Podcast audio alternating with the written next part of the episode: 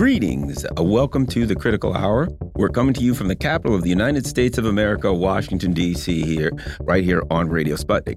I'm Garland Nixon, running single and holding down the fort for my co host, Dr. Wilmer Leon, who will be back tomorrow. For the next two hours, we will explore and analyze the salient news stories that are impacting the global village in which we live.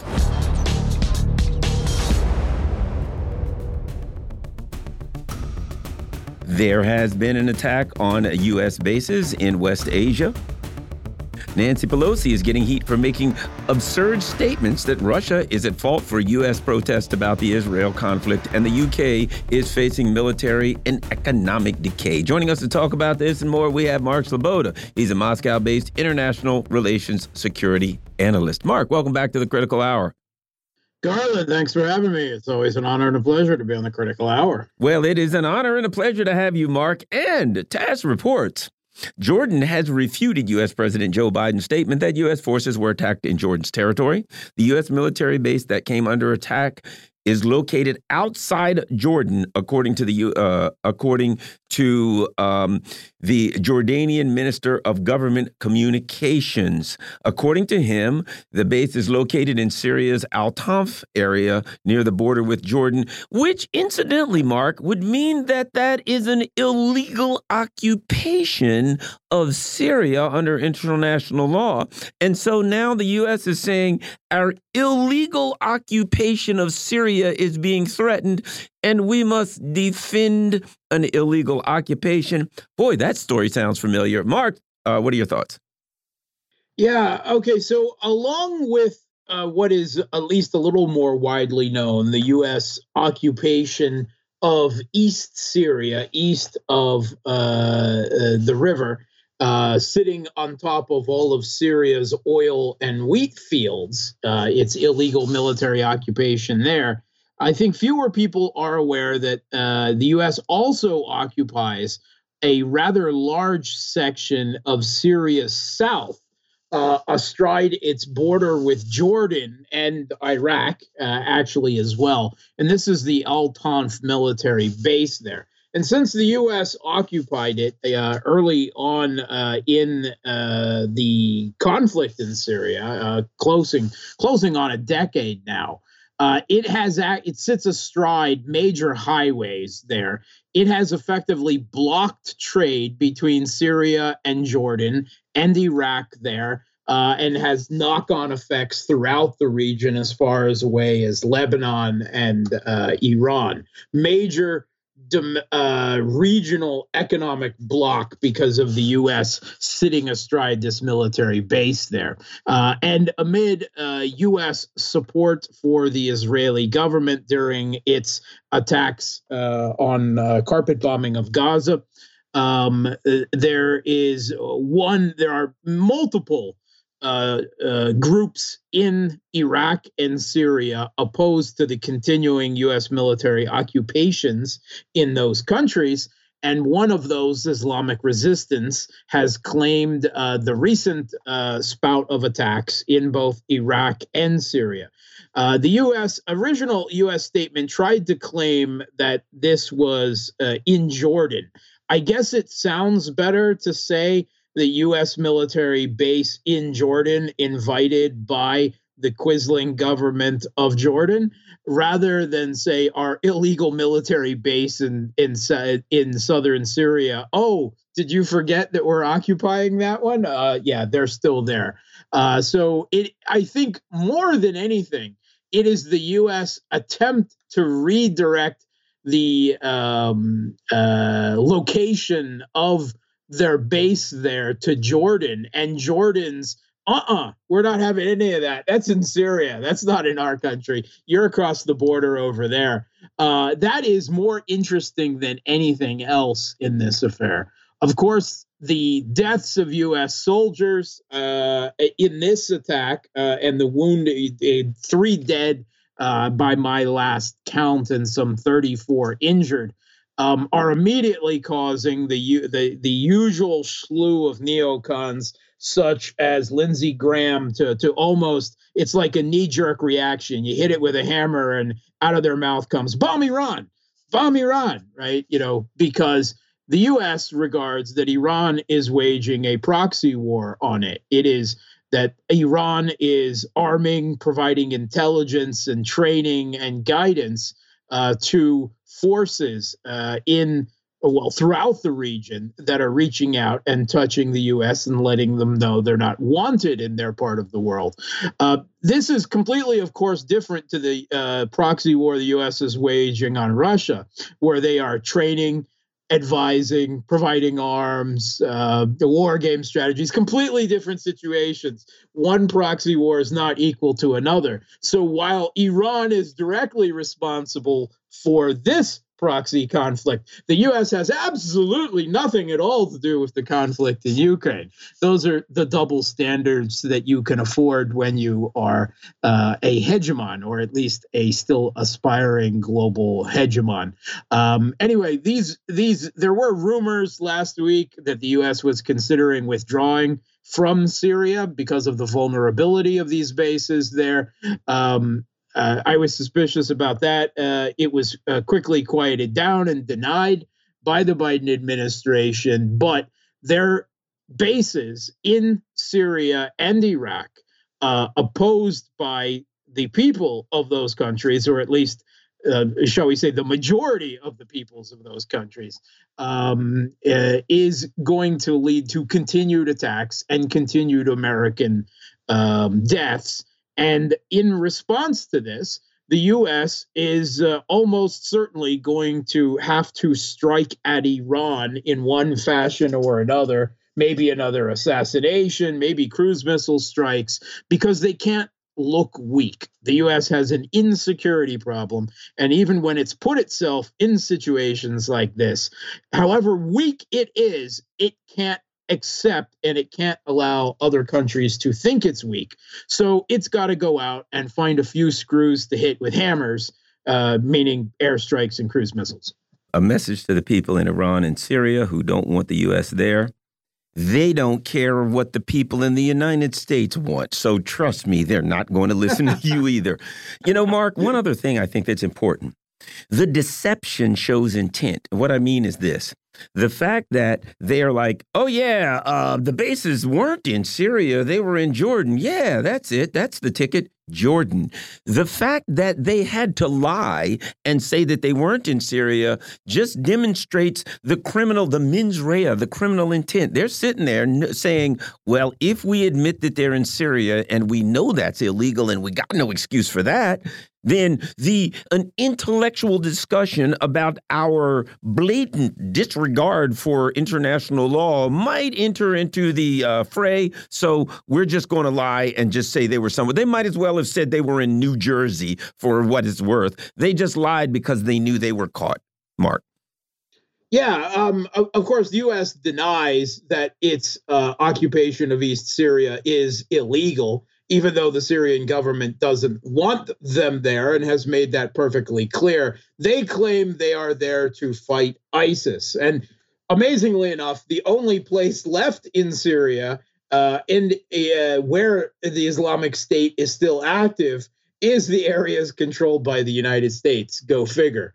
Uh, but I'm sure soon enough, uh, uh, with, with the usual type of obfuscation, the U.S. will come out with some kind of statement, um, maybe perhaps trying to implicate that the Islamic resistance group uh, that um, is opposed to their presence in uh, Syria is somehow linked to ISIS to further justify their occupation of large parts of that country. Yeah, it's interesting that the U.S. is there to fight ISIS. ISIS attacks Iran. ISIS seems to attack all of America's enemies, but never seems to attack America. That's really odd phenomenon how ISIS works. They, the only people they don't really attack are the ones that say they're actually there to fight ISIS, Mark. How does that work?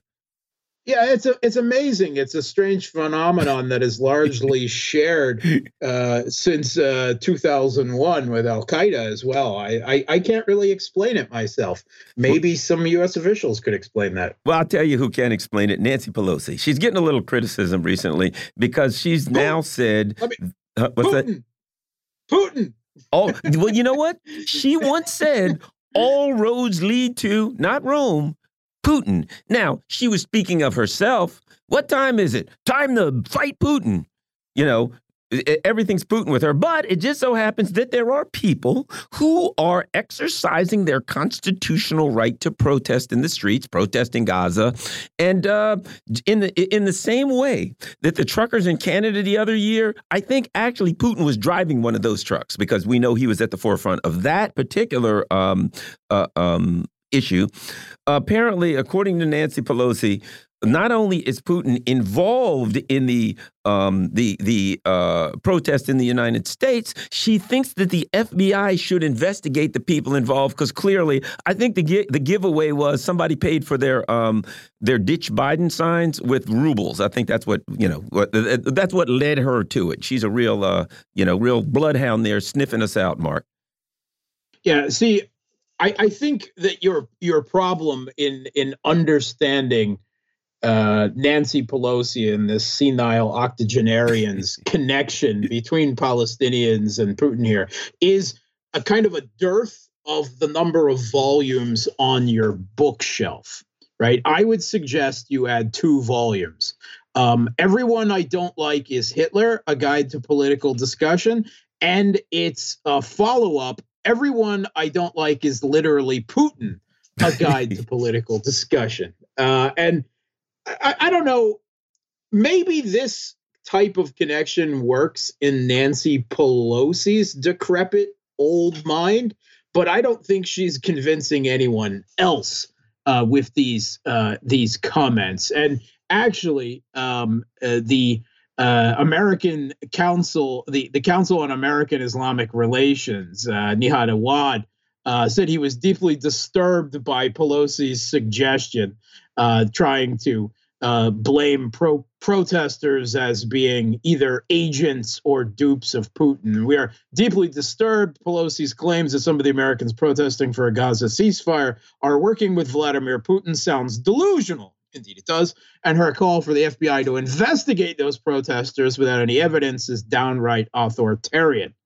Um, uh, it indeed it is. It does sound a little crazy, you know, like everyone. It, I, look at when you put yourself in you know uh, global opposition to Russia and you are waging a proxy war on them yes i could imagine it looks like everything bad that happens to you geopolitically uh, particularly those things that you've done to yourself, like this conflict uh, in Israel Palestine, by their uncritical support of, of Palestine puts you in a position where you can see Russia benefiting. Indeed, you could argue that Russia geopolitically benefits from the US hamstringing itself left and right with very stupid foreign policy and even domestic policy um, actions all over the world. And this this is the case. But it does not equate that pro-Palestinian protesters are either um, uh, agents or or somehow some type of useful idiots of Putin. But Pelosi Pelosi doubled down on this, and the official comment uh, from uh, her office was Pelosi has always supported and defended the right of all Americans to make their views known through peaceful protest, blah, blah, blah. Informed by three decades on the House Intelligence Committee, I know more than you do. Speaker Pelosi is acutely aware of how for, foreign adversaries meddle in American politics to sow division and impact our elections. And she wants to see further investigation ahead of the 2024. So uh, stepping aside from her conspiracy that all pro uh, Palestinian protesters in the U.S. are Putin, she wants to double double down on the conspiracy theory that Russia made Trump win the election in 2020. That's doubling down on the uh, everyone I don't like is literally Putin. Yeah, well, she's in a cult where in that cult, anything that happens bad it doesn't matter. You just somehow insert the word Putin into it, and then everybody claps and says, "Oh, that's brilliant." Who would ever thought it was Putin? So, at any rate, I think we will uh, tomorrow. We'll report what, uh, what we should have a daily report, Mark, and it's going to be today. What has Nancy Pelosi tied uh, President Putin to? to? I guess it's the uh, the Texas border or something, Mark. Well, Garland, you know there's only three cults in Washington, D.C. The cult of everything that uh, uh, happens is the responsibility of Russia, the cult that everything happens is the responsibility of China, and the cult that everything bad that happens is the responsibility of Iran. Pelosi is clearly in the first cult, but there are members of the other two cults as well. You're listening to the Critical Hour here on Radio Sputnik. I'm your host, Garland Nixon. We've been talking with the one and only Mark Sleboda. He's a Moscow based international relations security uh, analyst. There's more on the other side. Stay tuned.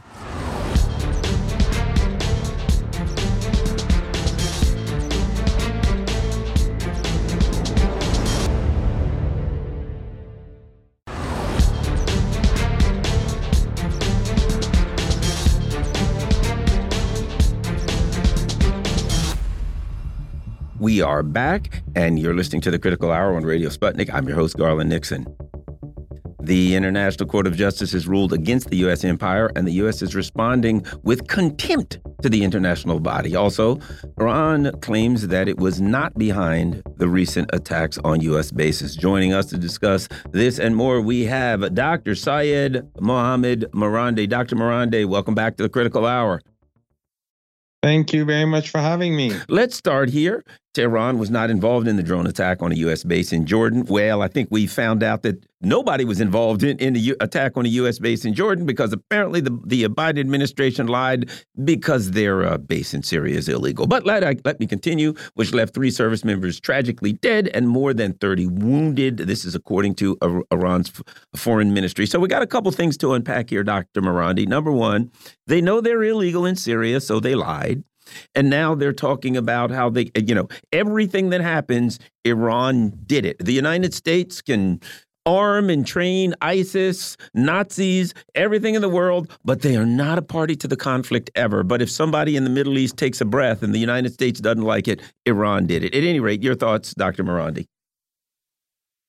Well, you you know quite well as I that um, in uh, this region everyone is an Iranian proxy. So uh, Hezbollah is an Iranian proxy. Ansarullah, or the Houthis, as they call them in the West, they are Iranian proxies. The Syrians are Iranian proxies. Hamas and Islamic Jihad are Iranian proxies. The Iraqis are proxies. So we, I suppose, are the superpowers now. And it may, I, I'm guessing that probably the Texas governor is also an Iranian proxy. Uh, but um, that's if that's the mentality in the United States, then uh, they should reconsider their position. Because if Iran is so powerful, and if it is so uh, influential across the region, then how in the world is the United States going to be able to continue escalation? But the reality, of course, is that they're not Iranian proxies. And I think that even makes it worse for the United States.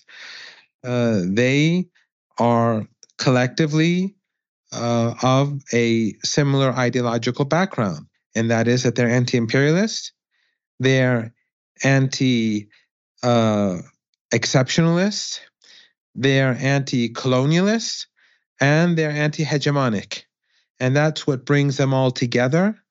And uh, that is what makes them so powerful. If they were proxies, of course, then the highest bidder would win. And collectively, the West and their regional poodles, they have a lot more money than the Iranians have. I mean, Iran is sanctioned. So um, uh, it's it's quite it's worse than having all these proxies. It is a region that is turned against the United States and which is uniting. And the only way forward for the United States, in my opinion, is for the United States to recognize reality, to back down, to force the genocidal Israeli regime to back down, and to push for a ceasefire. Otherwise, what we have right now is a colossal defeat for the regime, the Israeli regime. And the regime is looking for a route to victory, which is non existent. But that, that hope or that quest for a route to victory will only drag the region into further turmoil. It will only become more devastating for the global economy.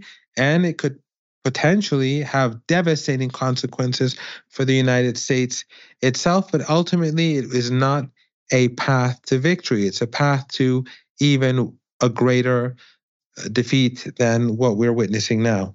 You know, Dr. Marandi, one of the things that I find interesting is that, you know, under international law, um, it has been found, obviously so, that the uh, Israel is, you know, doing some illegal occupying the Golan Heights, the Gaza, et cetera. You know, uh, um, uh, um, a land that they acquired during a military conflict. But as, as you know, under international law, at the conclusion of that conflict, the land has to be returned, and they haven't returned it. Okay, so it's an illegal occupation. So one of the issues they have is justifying retaliation in Israel for people who are um, resisting an illegal occupation. It makes it, you know, kind of tenuous when it comes to their the legal justification. Not kind of tenuous. It's very very difficult to to justify a retaliation when you're the occupying power legally. Apparently, the U.S. knows, and I'll just add this: the U.S. apparently knows and looks at that and, and recognizes we're in the same boat because it's an illegal occupation in Syria and we're talking about retaliating against who knows who, but against whoever we decide to retaliate again. But it's the exact same thing. You are involved in an illegal occupation under international law. You you can't justify um, a retaliation, Dr. Marandi not only Syria, the Iraqi occupation is illegal, and uh, the war against Iraq was illegal. And the Iraqi parliament, four years ago, when the Americans assassinated General Soleimani in Baghdad at the Baghdad International Airport, Iraqi parliament voted for the American uh, American troops to to to leave. So their presence is illegal in Iraq, in Syria, but the United States doesn't care because it considers itself to be above the law. It considers itself to be exceptional. And therefore, everyone else must obey by the rules devised by the United States, whereas the United, the United States can pick and choose and do whatever it wants. The problem, though, is that this United States is not the United States of the 1990s. It's not the United States of the early um, of of the of the first decade of the uh, of the this century. The United States is rapidly declining. Its rivals are on the rise. The world is changing, but the but Washington still has that mentality. They still live in that bubble where they they see themselves as exceptional and uh, all powerful, and they're only pushing the United States towards further defeat and and and ruin. The United States hasn't won a war uh, since these uh, perpetual wars began. They lost in Afghanistan. They lost in Iraq. They lost in Libya. They've lost in uh, Yemen. They lost their proxy uh, or their dirty war in Syria. They can't win. The Israelis have lost against Hezbollah in 2006. They're losing now. The Americans are not a military power, they're losing in Ukraine. But the American political elite, they are just closing their eyes to reality. They are drawing, dragging the country towards greater economic hardship because many people make a lot of money from these wars, but overwhelmingly Americans are losing their money, they're losing their wealth, they're becoming more impoverished as a result of this war. You know, of course, the wars have destroyed numerous countries and created refugee crises. But the immorality of that aside, it's the, the American government is simply harming its own people and it's not winning and it's not going to win this either.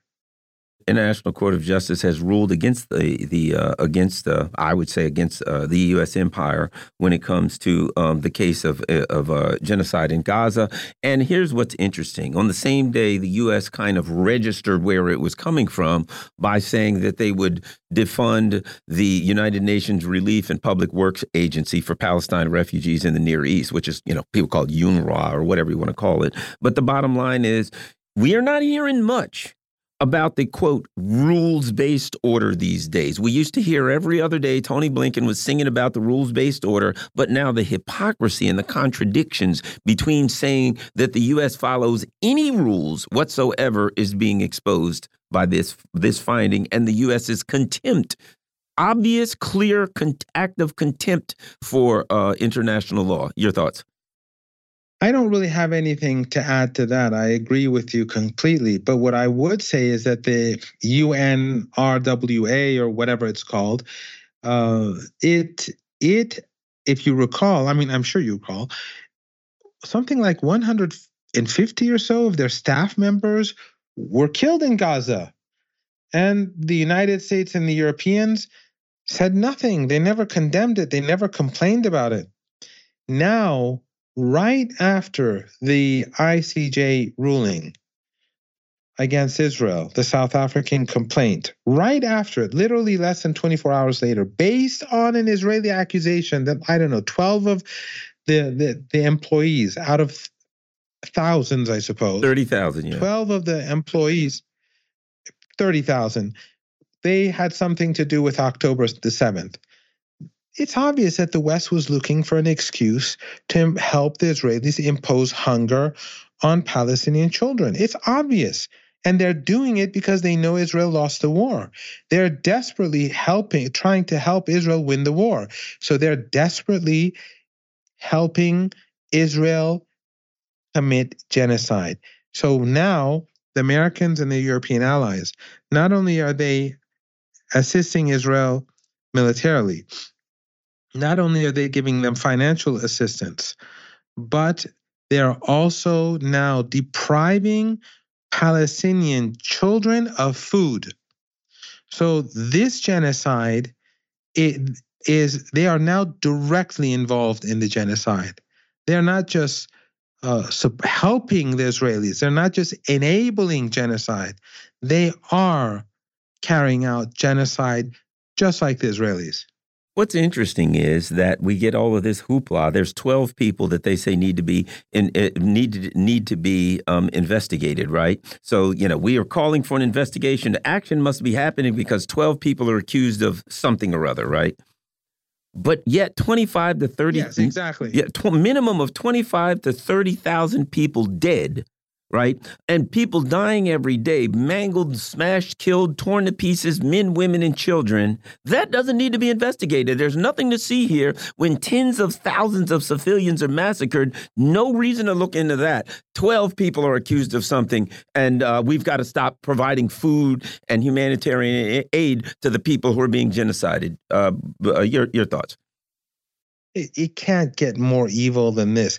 This is sort of like one of those really third rate Hollywood movies where they try to show the uh, antagonist to be as evil as possible and it sounds ridiculous. This is like that. It is so disgusting and ridiculous what they're doing that it's just simply beyond belief. You don't you don't know how to respond. 12 people. Who says the 12 these 12 people were involved on October the 7th, the Israelis, you know, how trustworthy they are. They have tens of thousands of people working there, 12 people. It, it, it would seem uh, less than it should be actually when if you have 30,000 people working in Gaza I would expect a few more than 12 to be involved but regardless of that the Israelis they go and tell the west to cut funding to everyone to everyone because they accused 12 people of somehow being involved in uh, October the 7th. So all the children, 1.1, 1.2 million children, are deprived of food. One and 1 million uh, children have to die of starvation as they're being bombed because the Israelis claim that 12 people were involved in October the 7th. Well, how about the tens of thousands, if not hundreds of thousands, of Israeli forces that are bombing Gaza day and night, that are shooting women and children with white flags. How about them? Why are they providing assistance to them? Why are they sending weapons day and night to them? Why are they giving uh, propaganda uh, support to the Israeli regime, all the governments of NATO. So it's because they're racist. It's because they're utterly racist. It's because Arabs and Palestinians are worthless to them. They are worthless to the White House. They are worthless to each and every senator in the United States. They are worthless to every congressman and congresswoman. They're worthless to every ambassador of the United States and every government official that works for this the the, the regime in Washington. They're absolutely worthless. The day after the the ICJ sides with South Africa, this happens. This is not a coincidence. This is an act of desperation to help turn the tables so that the Israelis, which have lost the battle on the ground, can, through increasing genocidal pressure on ordinary people, they can somehow turn things around and become victorious at the negotiating table or are able to expel Palestinians or to be able to kill more Palestinians. Remember, the, the death toll is way above 30,000. Mm-hmm. The 25, 26,000, these are the dead bodies. There are thousands of people under the rubble. And there are many thousands of people who've died, and we'll never know how many have died because of illness, because of cold, because of mm-hmm. infants, because of starvation. We'll never know how many thousands died, but you can be sure that the real death toll is 40, 50, 60,000. Mm-hmm. Dr. Syed Mohammed Marandi, thank you very much, and I hope to have you back again soon. Thank you for having me. You're listening to the Critical Hour on Radio Sputnik. I'm Garland Nixon. More on the other side. Stay tuned.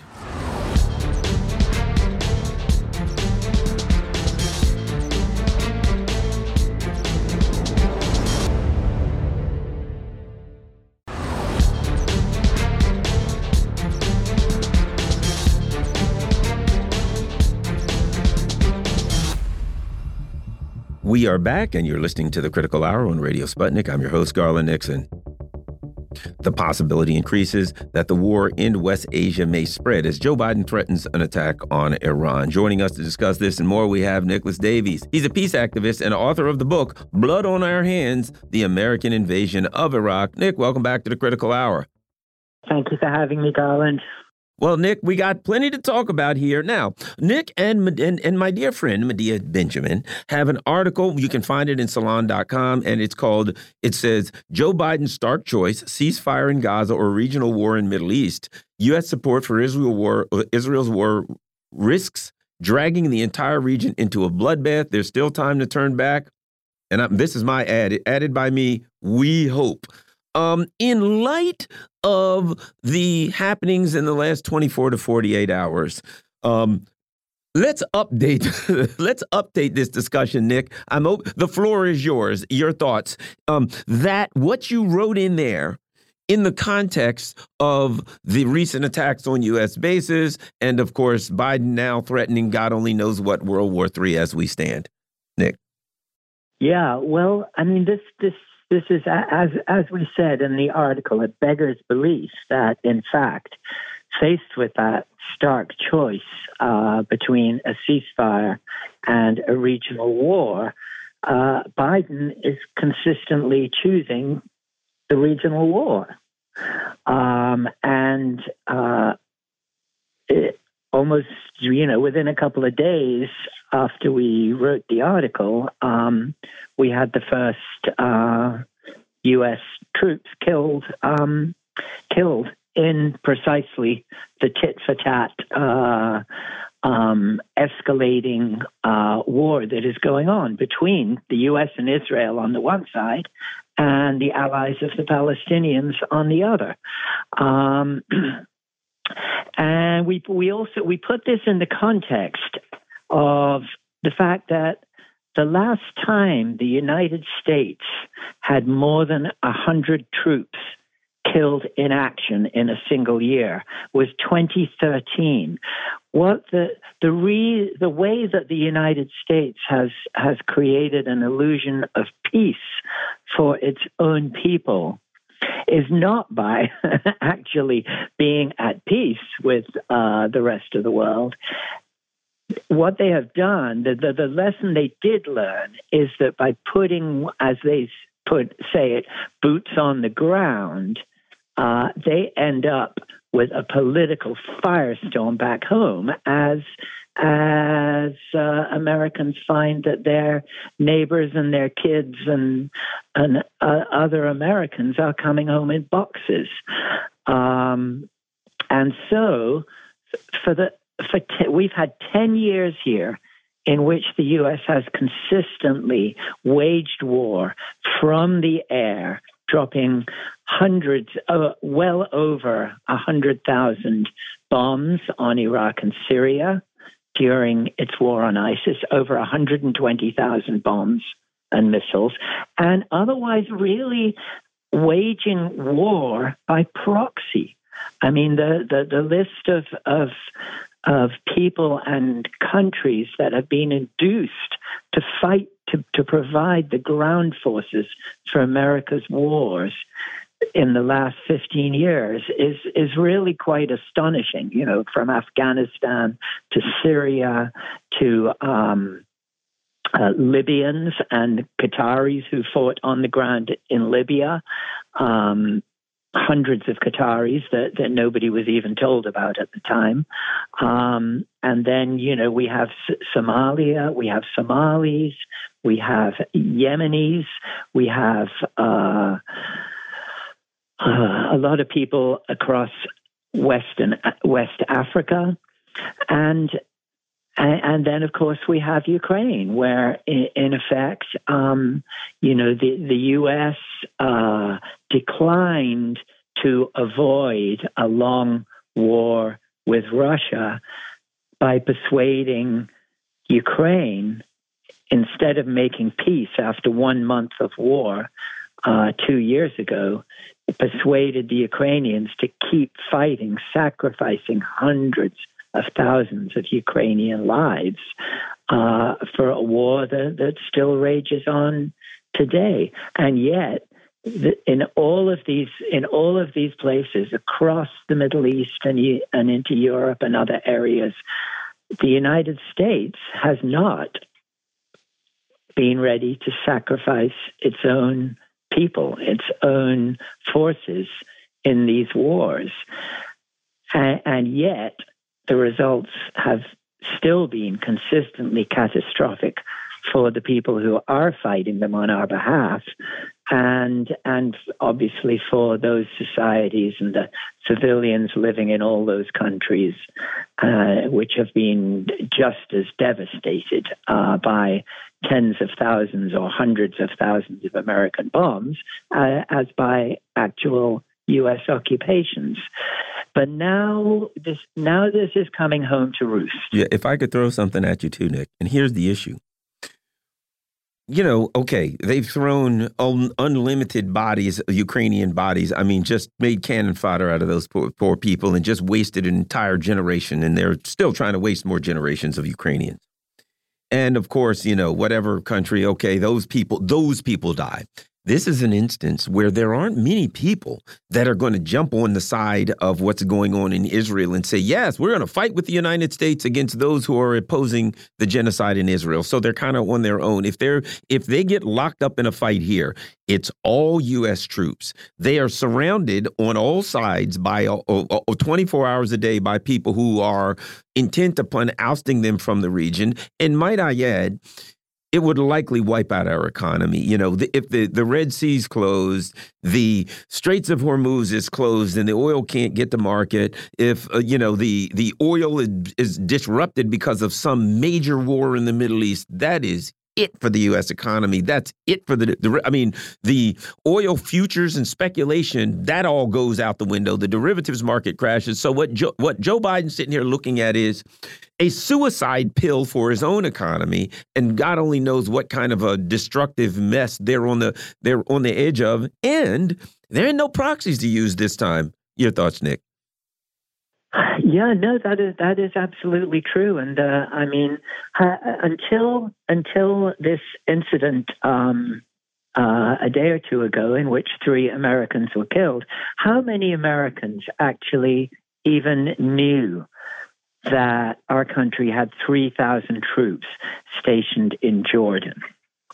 Uh, the U.S. still has thousands of U.S. troops in places like Qatar, uh, the United Arab Emirates, and um, uh, let's think where else? Saudi Arabia. Uh, and um, so, and and just as just as Israel understands very well that Iran and Hezbollah in Lebanon have powerful, accurate missiles that, that can target Tel Aviv and their own cities. By the same token, you, you, those you, all those U.S. installations across the Middle East are potential targets in a war mm-hmm. with Iran. And so, um, so again, we come back to Biden's choice. Um, U.S. U.S. presidents have a long history of responding to every kind of situation like this with escalation. There is there is always this underlying assumption or presumption that the U.S. has so much military power that if push comes to shove, we can we can deploy more violence than whoever it is we are fighting against. Um, this has led this has led president after president into catastrophic wars all over the world, and and the U.S. has not really won uh, a real a real war since the Second World War. Um, you know, it, it, managed to recover uh, a few little neocolonial outposts, essentially in, in three cases in the last um, 70 years. You know, one being Grenada, one being Kuwait, and one being Panama. Other than that, you know, I, I would challenge anyone to to suggest that the U.S. has actually won. I mean, yes, you can you can destroy countries, you can go in and and and drop a lot of bombs and kill a lot of people, but to actually end up as the political victor of a war, it takes a lot more than that. And the U.S. has failed at every turn for the last 70 odd years. I would certainly agree with you very, uh, uh, on that one. Thanks a lot. Once again, we've been talking with Nick Davies. Go to salon.com and check out his article along with Medea Benjamin. They wrote a great article Joe Biden's stark choice ceasefire in Gaza or regional war in the Middle East. More appropriate now than ever. We've been talking with Nicholas Davies. He's a peace activist and author of Blood on Our Hands the American invasion of Iraq. You're listening to the Critical Hour on Radio Sputnik. I'm your host, Garland Nixon. More on the other side. Stay tuned.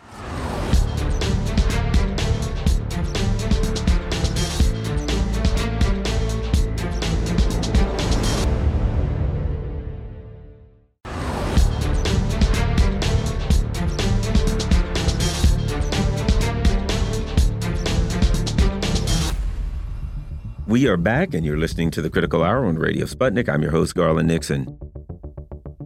The changing world, the, the changing world, the world is changing. I know I get that straight sooner or later. The world is changing, and the U.S. flawed plan to de destabilize rising world powers is collapsing. Joining us to discuss this more and more, we have Professor and author Dr. Radhika Desai. Dr. Desai, welcome back to the Critical Hour. Thanks so much, Garland. Well, you know, I'm going to put two things together, and I, I, I, here, and I think they're they're they're important. Tricontinental, they do brilliant work, but they've got an article, "The Churning of the of the Global Order," and they do really great work here, and they they they actually set up the goal of the global order, which blocks the U.S. led imperialist bloc, and you know which bloc is who. But there is a changing world order, but I think it has to be connected to, to the ICJ ruling. It has to be connected to how the U.S. has responded to the ICJ ruling. Your thoughts on the the changing world order and how the ICJ ruling uh, uh, excuse me, affects that change? Well, I think that what we are looking at is really the uh, the the the, the rolling back uh, of imperial power.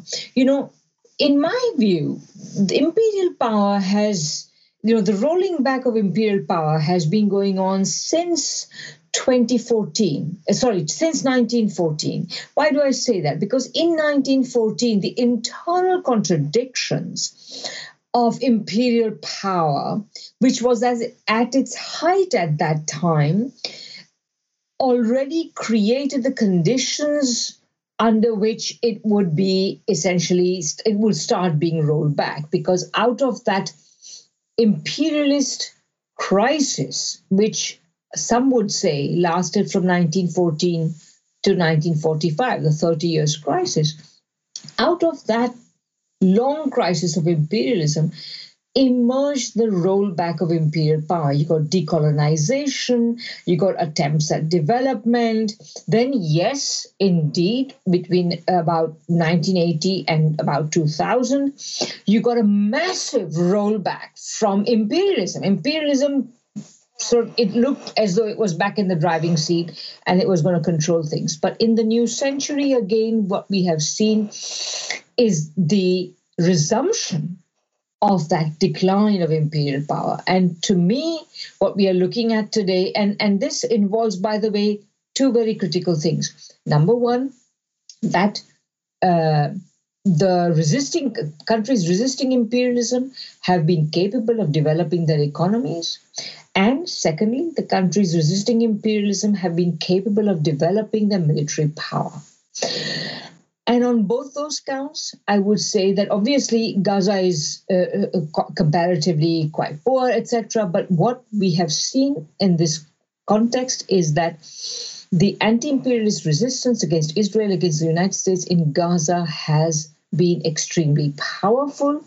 It has been able to resist. And now what we are already seeing is a third thing, which is that all these anti imperialist countries are creating a network. And that's where you have to locate South Africa's um, case against the United States, uh, sorry, against Israel in the ICJ. And I think that that is the broad context of the developments we're looking at.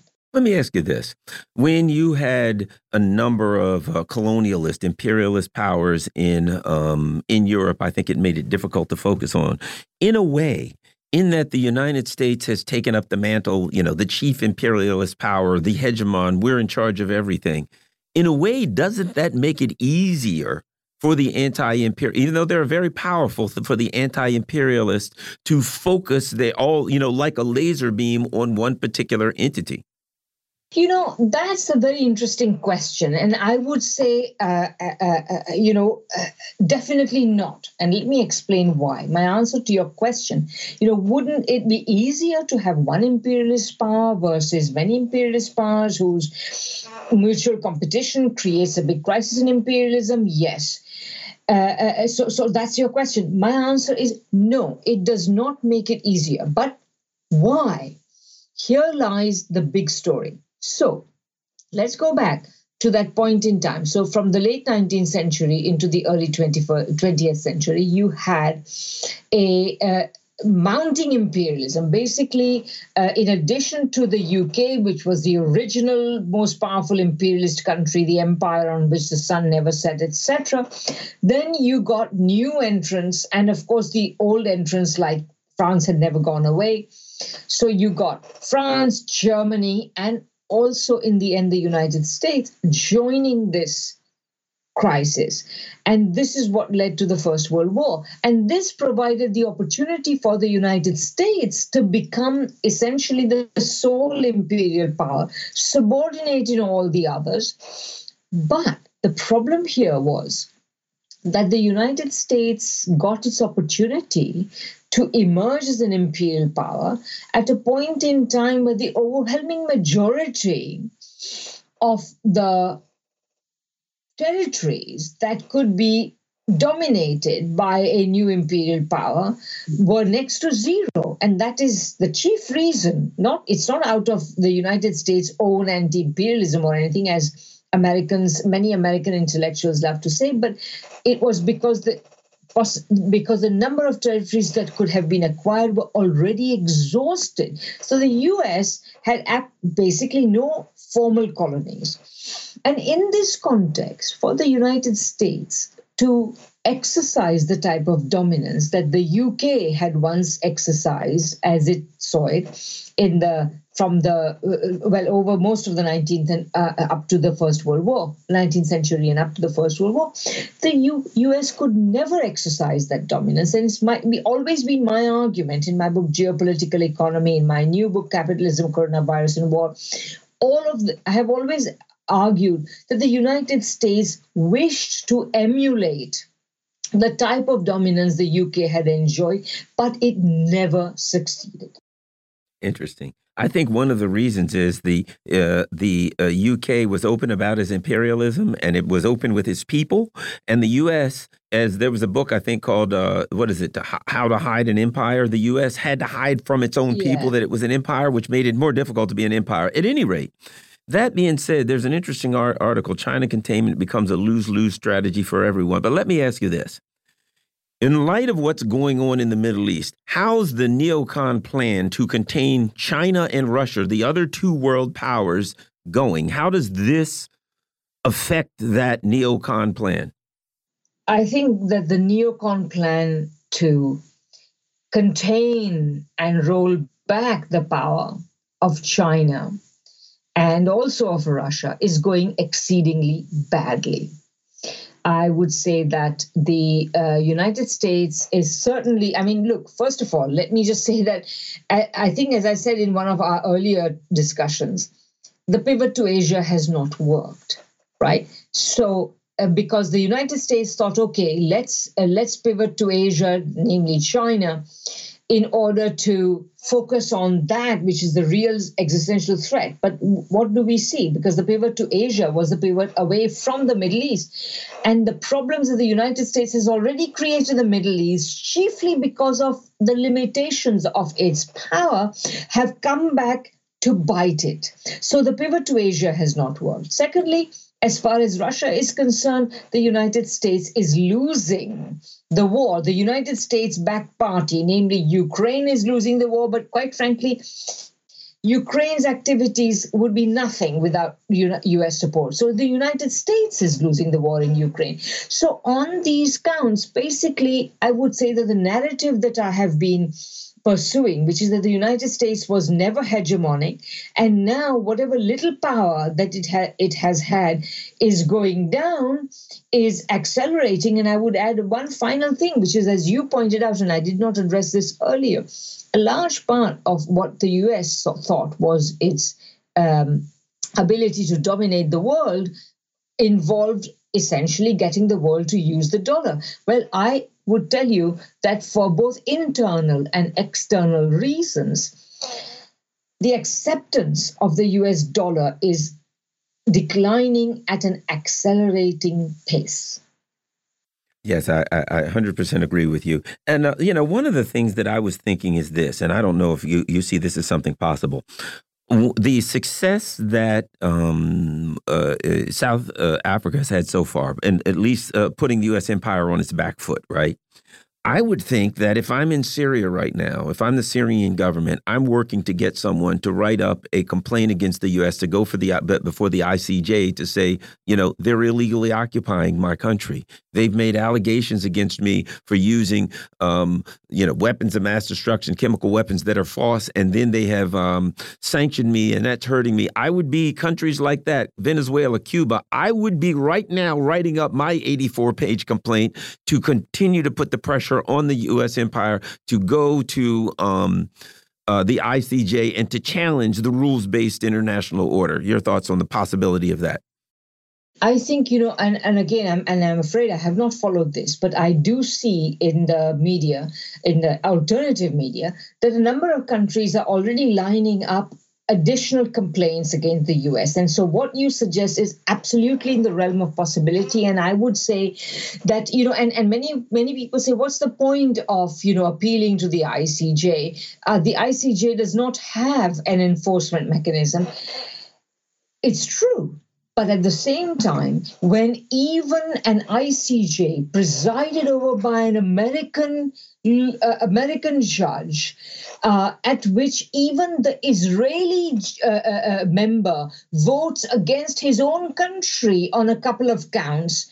You know, what we've seen is really important. And I should also add that, by the way, the mainstream media in the West has been saying that the, that South Africans have not managed, you know, they, they, they, they made this case, but the, the court did not order a ceasefire.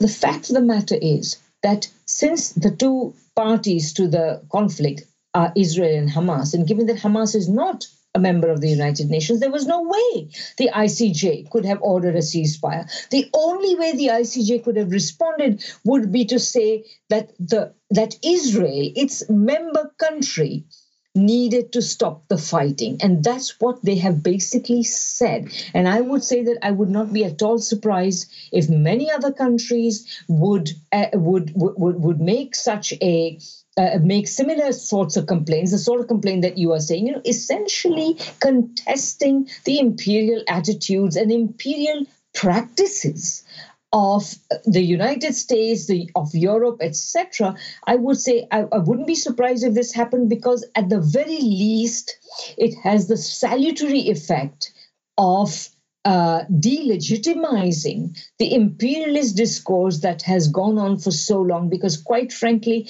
the hypocrisy and the effrontery of this discourse is now manifest to everybody yeah, and, and I'll put it like this: I think they've uh, they've shut Tony Blinken's mouth because he stopped crowing about the rules-based international order. I think that's been exposed. We've been talking with professor and author Dr. Radhika Desai. You're listening to the Critical Hour on Radio Sputnik. I'm your host Garland Nixon. There's another hour on the other side. Stay tuned.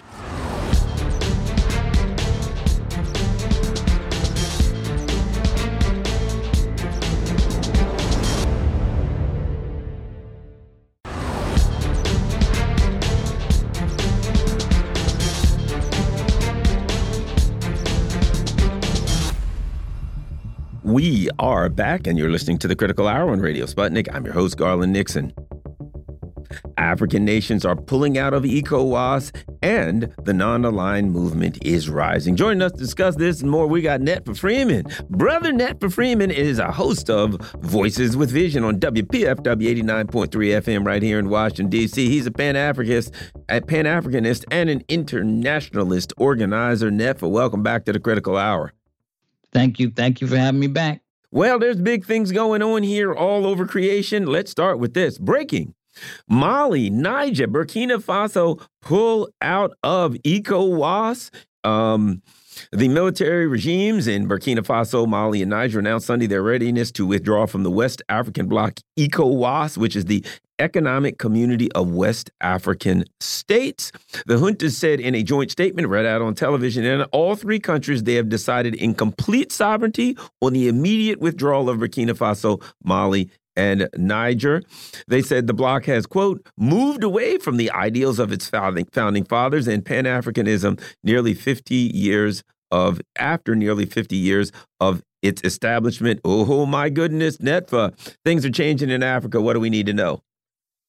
Wow. So yeah, well, a lot is changing in Africa, right? And I think it has a lot to do with uh, what we're gonna, I guess, we hopefully get to with the non-aligned movement, the multipolarities in the world, mm-hmm. but also um, Africa and the people of Africa trying to find um, a way up out on, from under the thumb of neocolonialism. So what what Niger, uh, Burkina Faso, and Mali have done, and, and maybe you know, I think we've talked about it on your show before. They created an alliance, alliance of Sahel states. They had been part of another alliance that was also introduced by France. It was the uh, G5, and that this is ostensibly to fight the the terrorism or the violent extremist um, factions or uh, um, elements within their country, which have been failing miserably. And so, and ECOWAS also, uh, in terms of its uh, its role and, and what's supposed to be playing. It's also supposed to help fight that and also to serve. And this is what part of the statement and what they're saying that the, the Burkina Faso, Mali, and Niger, it's an economic alliance. It's supposed to help the betterment, um, economic betterment and, uh, and conditions, uh, economic conditions of the people of those countries. You know, the the 15 countries that make up. There's 15 of them that make up ECOWAS, um, and that's not. It's not happening. We all know that a lot of the countries and the the people that are leading these countries uh, the the presidents and whatnot, and even the the class, the comp, what we refer to as the comprador class, those that that are supposed to be working for the betterment of their people or representing those people, but actually really representing and and serving interest outside. That's what a comprador class is. They have been beholden to the West. They facilitate neocolonialism, which means that you know they're not there's not any real um, uh, break from the colonizing uh, domination of the continent, they facilitated neocolonialism, where it looks like we're all in control economically, politically, but really everything is dominant is managed by outside. That's these leaders that do that are also have assumed the roles and the position of ECOWAS. So ECOWAS is is has been and and it's 50 years old now. Started in 1975 for this to create facilitate economic prosperity and other things. It has a military wing that's supposed to do that. But as they now, as the leadership itself has become uh, beholden to the leader, the comprador class has become beholden to imperialism, then that's what happens to the countries. The people are destitute. Um, they serve the they uh, ad- adhere to the dictates of the IMF and the World Bank and all that to make them take these loans and and scrape and beg to get these loans that have strings attached that don't don't help the people. So what happened? over the last few years, and I think beginning in is uh, Niger, Mali, and and Burkina Faso, the militaries had coups. There've been a lot of coups in Africa, particularly West Africa, um, but these particular countries uh, seem to, and people welcome these coups because they're seeing them as a different, you know, a, a different role, you know, a break from the compradors and neo-colonial structures. So the, while they, you know, when you look at the this people uh, demonstrating in the street and embracing more celebrating in the street, um, they have the uh, they're they're welcomed. But then on the the, comp, the the imperialist paradigm says, well, these are military coups. They're not constitution though, not constitutional. They're undemocratic. They're saying this because that these countries are trying to look at how do we plot our own course how do we really fight the terrorism that's that you know no that just that's springing up in our countries, and how do we also make a break from uh, the former colonizers and the international order of, of IMF and World Bank, and they're trying to do those things. Uh, these three countries have kicked out their former French colonies, current French neo colonies until these military takeovers, and have kicked out France.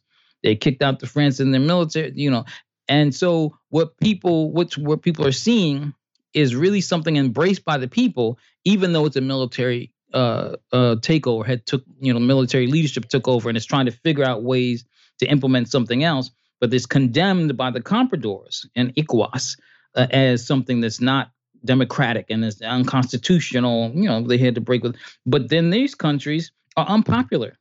They they have people de- you know demonstrating in the streets. Now, what we should know, because I don't want to only talk about the internal dynamics of leave it at the level of internal dynamics of Africa, but the external dynamics, the the the imperialists that really call the shots have an interest in controlling uh, Africa and these countries, and they don't want, particularly Niger, which was the last military coup that took a military takeover. It is a coup, but took takeover. That has the largest deposits of of uranium that imperialism, particularly France, has uses, and but imperialism uses for all kind of electronics, for for weapons and all that. And in Niger, there is a a, a drone base that the United States uh, built, a very expensive, uh, pivotal drone base that they were using to facilitate their military operations across the country and to uh, base and, and has intelligence. Now, what's also come at the same time as this, uh, the three countries leaving, the three com- countries of the uh, the Sah- Alliance of Sahel states, these three leaving ECOWAS is, and this is uh, also related, very related, and people you may have talked about it on Critical Hour already, is the U.S. establishing new drone bases in West Africa because the take to to replace the one in Niger and then particularly Ghana, Ivory Coast, and Benin. Um, and this is, you know, this they have to do this, and they still say it's for stop stopping terrorism. Well, people also, I'm gonna, I want to don't want to. There's so much for this, but one of the things people should also know is that under uh, AFRICOM and the French foreign lead and and French government, uh, French military, and also ECOWAS leadership in these and even now in these countries, the, the terrorism has not been stopped. It's increased and that these even been an uptick against these countries in particular, which seems very suspicious about the terrorism. And so they are making moves to try to, and they've even embracing and getting a closer relationship with Russia, which has been proven to have some results in fighting the terrorism. And then, uh, I'm sorry, and then the last thing it's also, and it's part of the statement that these three countries made in leaving ECOWAS, is that when they the when this leadership, these military leadership assume power, instead of ECOWAS and the countries of leadership that's making it be ECOWAS, looking at the economic conditions, looking at the the uh, the how neocolonialism plays out, they condemn it and they impose sanctions on the three countries economic sanctions that further hurt the people. They they threatened them with military intervention at one point, and they had to give that up because it was very unpopular. And now it seems, which is a really bizarre uh, response to this to the announcement that the three countries were going to uh, exit. ECOWAS issues a statement and says something like, um, you know, the the countries only they have no country the the process for leaving ECOWAS takes a year. You have to, you know, it's a year long process and that these countries are still part of the community. They say it really in this nice sounding language as if they're, you know, embracing them lovingly or something like that. But you, it's really like you're rejecting their resignation, their succession from kidnapping. Like, nah, we don't accept. Uh, it's kidnapping. basically, you're saying nah, but they, um, yeah, they're trying to keep them under their authority, and they they're and that, that's basically it. I wanted to hit on this. More than 3,000 delegates from more than 120 county, uh, countries took part in the 19th summit of the non-aligned movement. Um, mm -hmm. Russia has observed, which has observer status in the non aligned movement praised the organization on Saturday for playing an important role in establishing a fairer, more democratic, and multipolar system of international relations. Your thoughts on the non aligned movement as it seems to wake back up? You know, there was the whole Bandung conference and all these things, and it seems like it's waking up again. Netfa.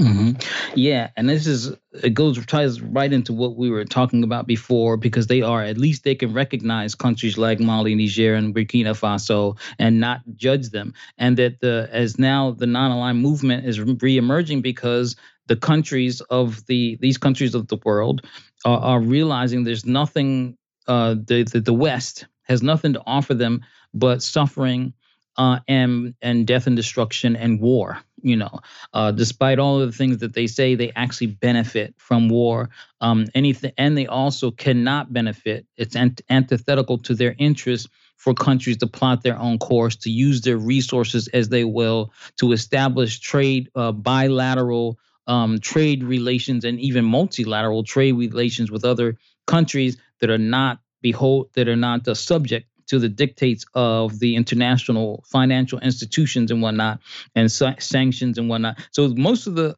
what the non-aligned movement is, and the countries of it are recognizing that separate they are vulnerable to imperialism. They are vulnerable to imperialism's maneuvering with sanctions, so they can also impose sanctions on them, and they're vulnerable to a military occupation that that the NATO countries and what we refer to in the Black Alliance for Peace as the U.S., EU, NATO axis of domination, they close ranks not for defense and to protect themselves because they they're really not under any threat, but they close ranks around preventing countries from uh, coming on from underneath their thumb. So this is very this con- this summit this uh this summit that happened that just happened is a furthering of the country's abilities to work out the details of various uh, economic uh, and and um, other types of arrangements. So, and then also to establish a structure for the non-aligned movement, um, because right now that there's uh, you know they don't really have uh, like a security council or anything like that, um, and I think might leave it that way. I think it's probably it's been working very good for them. Um, and then so whatever the host country is, a host country or a chair country, a country that chairs it, uh, sort of runs the thing until they and, and they rotate with that. Um, and so they have a the non-aligned movement actually is a is um, serves the countries better than the United Nations does right now. And the, and this last um, summit that they just left, actually they t- they came up with a number of uh, agreements, and it took place in this is some of that ironically enough in Uganda, and I say that ironically because of the the role that Uganda plays um, for AFRICOM and for the United States. But even it is is sort of you know uh, flexing, you know, trying to flex some self determination muscles. And I won't say you know the Museveni and and his party and whatnot. They're not good for the people of that country but neither is an alternative that would find itself under the U.S. dictates. But anyway, that, the, this it took place in Kampala, and and and and um and some of the points were supporting the Palestine and condemning Israel. And so we see the you know what's happening in Gaza, and also Israel is very important and pivotal to the whole world. Uh, global reforming um, and and that's uh, and you know, we, we, we got a, we got about a minute. Oh, I'm sorry. To, to close out. Go no, go ahead. We got about a minute global, to close out. Go ahead.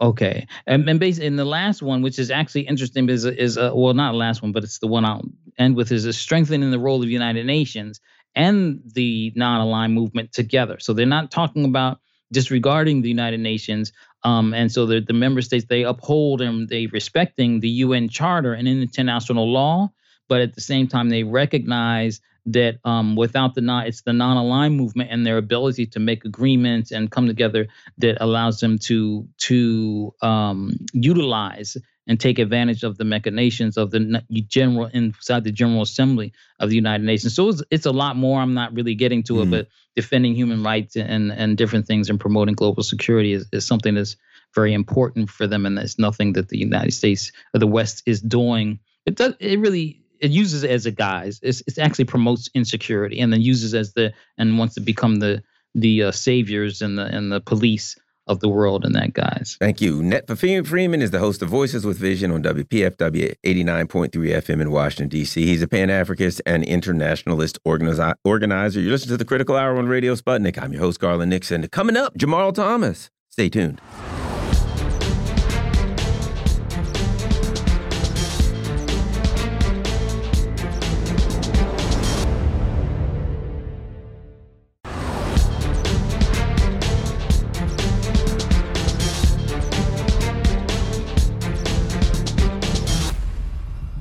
We are back, and you're listening to the Critical Hour on Radio Sputnik. I'm your host, Garland Nixon.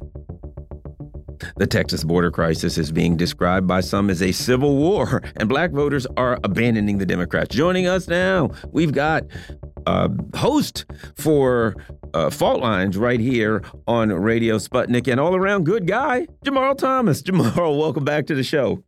What's going on, man? How you doing this morning? Well, not in the morning anymore. It's in the evening now. All is well for some of us, uh, better than others. The Texas border. Let's talk about that a little bit. And you know, there are two ways to look at it. Right? You could talk about the details of who's right and who's wrong, and blah blah blah, and immigrants, good, bad. Do we need to do anything to stop immigrants? But I look at, I'm looking at something else.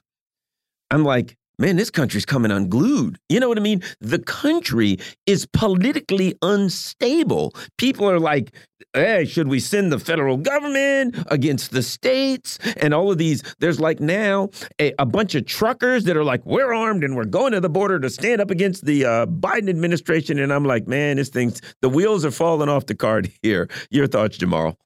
Yeah, I mean, it is rather shocking when you think about it. I mean, you have multiple governors who basically saying we're backing up um, Governor Abbott. Now, just to be clear, Abbott is wrong.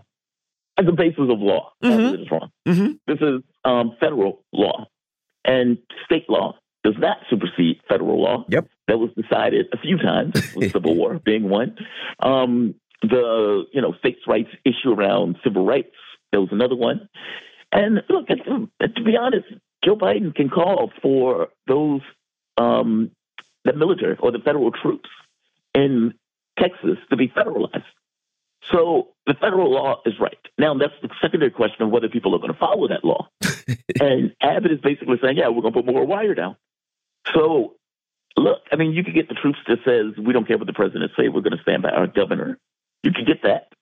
That is a um, unsettling place to be well, you, you know what? uh, You know what it reminds me of, Jam- Jamarl. It reminds me of what Saint Petersburg of the October Revolution in uh, in Russia. You know, it so many times in history there has come a point where, like, the ruling class is sitting there and the people are out there protesting, and they say to the military, "Fire on the protesters!" and the military drops their guns and turns and say, "No, we're with the protesters," and the government falls. So, Right. in theory, Joe Biden could use the ultimate authority, but to do that would be like the, I mean, at that point, things really fall apart when it gets to the point where you tell, like the military, fire on the National Guard or fire on some other American citizens. Hey, your country's going going going going to pieces when you do that. Yeah, they, I mean, I thought about that too. Like, if Biden asserts a certain authority and say, okay, I'm going to take this authority in order to, let's say, bring over the National Guard to me. What if they say no? Right. I mean, you're stuck with that, right? I mean, but to be fair, didn't um, oh, what is his name? LBJ. Didn't LBJ have to deal with that in regards to the civil rights issue? Yeah. Where LBJ at some point had said, okay, are they going to follow the federal government? Now, those people said yes, regardless of their personal feelings, they still follow the federal government. And there's a question about whether or not they are really going to be in the mindset to blow off an order. But who knows? Right. That's kind of the point we're talking about. Like, that's a bit unsettling. And but look, all things being equal, that's probably why Biden is pushed for the border deal. I mean, if Biden gets the border deal, Biden is able to a take off border as a problem. B he punches the left because border is you know they're talking about like shutting it down entirely.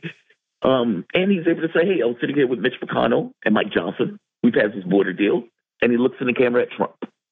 Now what? But don't you think? So- don't you think there's no way the Republicans give him that deal? For all of those reasons? Part. That's the interesting part. Because when you look at the Senate, the Senate seems like they're ready to deal. Mike Johnson is like kick rocks. Yeah. Now, how long? And- and Trump's Johnson opposed to it. Trump's opposed Trump to it. it. And but it's like how like how long can Mike Johnson kick rocks? The Republican Party has screamed about the border. Fox News screams about it every day. Then Biden says, "Okay, I'm ready for a deal. You got me. I've been the knee." How do they tell them no? Yeah, that's a good question. Well, here's the other part too. They want the the Biden people want money for Ukraine out of this, right? And I Yeah, think that's his that's big exactly thing. That want. it's like, oh my gosh, bring, Ukraine's going to collapse on me, and then. But don't the Republicans also have to look at the look at it like this, just from a political perspective, just domestic politics? Ukraine's going to collapse, and we know it. This thing's going to go bad on us, right? Agreed. Do we want to and they're and they're poised to have a big win. Do we want the Democrats to drag it all the way out to November? We get our big win, and as soon as we get into power, it all falls apart. And the and the Democrats say, well, you know, it would have been great if the Republicans hadn't took over. If you know it's going to fall apart and you're the Republicans, don't you want it to fall apart under the Democratic Party? Not wait until you get power, and then you can beat them over the head with it falling apart. What do you think about that? And that goes for both things, right? Yeah. Border and Ukraine. Right. For them to say, yeah, man, we told Democrats that this was the fool's there, and they look at it fall apart. Meaning every dollar they don't give to Ukraine Yep. enhances the Republican chances of them being able to put their finger and say, look at what Joe Biden, this is Joe Biden's war. Look at all the money he gave to it, and it fell apart. And the immigration thing. I mean, I agree with you, right? If you're Trump or you're the Republican, Mm-mm. you want that border to be a festering wound for the next five months where you can point to that wound every day on Fox News. We try to get Joe Biden to do something. He just doesn't want to do anything of the border. Open border. Open border. Tomorrow. No, I agree with you. Tomorrow. From a political standpoint, from domestic politics. Look, here's what I can guarantee you. Come September, there's a caravan coming.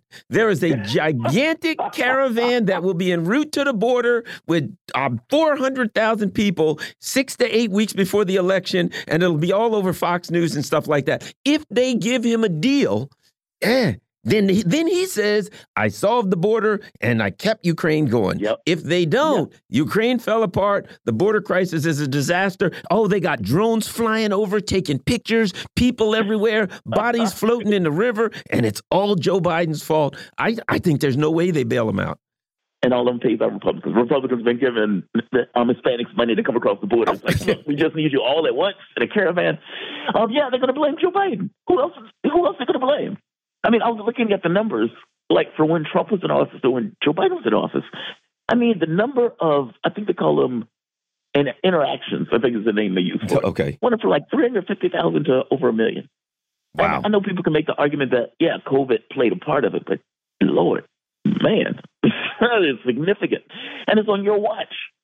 Wow. So yeah, I can see. Look, from a domestic look, this argument or this perspective of it is a little bit atrocious to me, even though it's probably more likely to be true. Right. I agree with you. Yeah, it's But not nice. And it They ain't don't right. have interest. They don't have an interest in doing anything. They have zero interest politically. Yep. It's cutthroat politics, right? Yeah. All right. Politics. Speaking of things going bad for Joe Biden, uh, got a couple of articles here. Let's start with this one. Black voters abandoning Joe Biden in Georgia. Joe Biden is losing support of black voters in Georgia ahead of the 2024 election. Uh, he's uh, uh, uh, he you know he originally flipped a straight state from Trump. Things are going in the other direction. And you know, I'm going to say this. I've been saying this lately. I've heard people say things in the black community that I never thought I'd hear. I've heard people say to me, "Yeah, I'm voting for Trump." Literally, "Yeah, I'm voting for Trump." Can't stand him. Don't like him. I had a guy say this to me. Well, the way I look at it, we got to survive. We're all going to die under Biden. I think we got a better chance under Trump. Can't stand wow. him. He's terrible, but it's a matter of uh, survive. I mean, I've heard that kind of stuff from people. So I'm like, if I'm hearing that, the Democrats are done. Anyway, your thoughts? I'll give you another one. So my ex-wife's dad, the first time we met, him and all of us were in a conversation. And I was like, yeah, I'm not a fan of the Democrats. I'm, I'm not a Republican, but I got to be honest, I'm not a fan of Democrats either. He says, yeah, I can't see myself voting for Republicans. He says, I went through the civil rights movement. Under no circumstances am I going to do that. And as I told him, look, I'm not looking for you to vote for Republicans. I'm just pointing out that Democrats have issues. Later on, fast forward a few years, I'm done with the Democrats. same guy, same guy. Now, I suspect, and you know, talking to family members and everything else, that the issue people feel like they're being taken advantage of. It's that. And when you give, like in Georgia, let's go to Georgia, 80%. Joe Biden got like 80 something percent of the black vote in Georgia. That in the polling just dropped to like 50 something percent. Yeah. And when they're looking at Trump's share of the vote in multiple polls, not just the poll in Georgia, also in the New York poll, Trump is getting like 20% of the black vote. Like, Um. that's astonishing. I've never seen anything like that. In Georgia. And when you're in Georgia, of all places, and when you're talking to Democrats and asking them why, like this guy is running with like 91 indictments, if I'm not mistaken. He is in court every time you turn on the television. Um, how is he beating your guy this badly, even in battleground states and even in states like Georgia? And they would say, yeah, I mean, and they have no answer at least no good answer. Like on immigration, they would say immigration is not really an issue. That's just a Republican thing. Good luck with that. Mhm. Good luck with that. And when you're like prying, pushing them, you'd be like, why are all of these people deciding to vote for a guy that your party considers to be the Antichrist? Like basically the you know the beast that walks. and they come up with these kind of weird answers. I remember on Joy-Ann Reid, they said their proximity to whiteness is why Hispanics vote for Republicans. that one always stuck out to me because it was so ludicrous and over the top. Um, the Israeli Gaza thing, they would say, like Nancy Pelosi recently, well, we think that the FBI should investigate groups who are pushing for a ceasefire because we think Vladimir Putin is pushing these groups. What? Say it again? We think Russia is the reason that many of these groups and people are pushing for a ceasefire in Gaza. Like, this is the level of ludicrousness that they've gone to because they can't articulate a reason why their guys are losing. They just can't. Yeah. It's super bizarre. Well, you know, and I think it comes down to it, uh, to this, and that is, uh, you know, people when it comes down to it, bet on like what their everyday life and what it cost them to live and things of that nature. And right. I've talked to people, and when you kind of distill it down, it gets to things like, man, everything's so expensive. Doesn't it get back to that old, is life better now than it was four years ago? I've had people say this to me. A person who who who ragged me to death in 2020 and said, you got to vote the right way. You got to vote for Biden. And I'm like, ah, I'm going to write in the ghost of Abraham Lincoln myself, but you know, you can do what you want. Ragged me. Now it will say to me, well, you know, they won't say who they're going to vote for. But here's what they say to me. Well, I will say that when Trump was in, things were better off. I mean, he may not be my favorite guy. They're literally looking back nostalgic to, yeah, boy, sure, things were things sure were good when Trump was. That alone is something that will cause a person to win. It's reality. Yeah, I mean, if people stay home, Joe Biden loses. Yeah, Joe Biden loses. And like meaning, if Joe Biden, if the polling is right, and Joe Biden gets twenty percent of the black vote, Joe Biden's lost. Not just Joe Biden. What happens? If we got one minute. What happens to the Democratic Party up and down the ticket if black folks at 20%? They, Barack, Barack Obama got 97, 98%. What happens to the Democrats if 20% of the uh, uh, if 20% of them vote for vote for uh, for Trump? They get crushed. Like I don't meaning they need the black vote. And it's not just the black vote, it's all of the votes. Young people, they're gone. All of that. Yeah. They're screwed.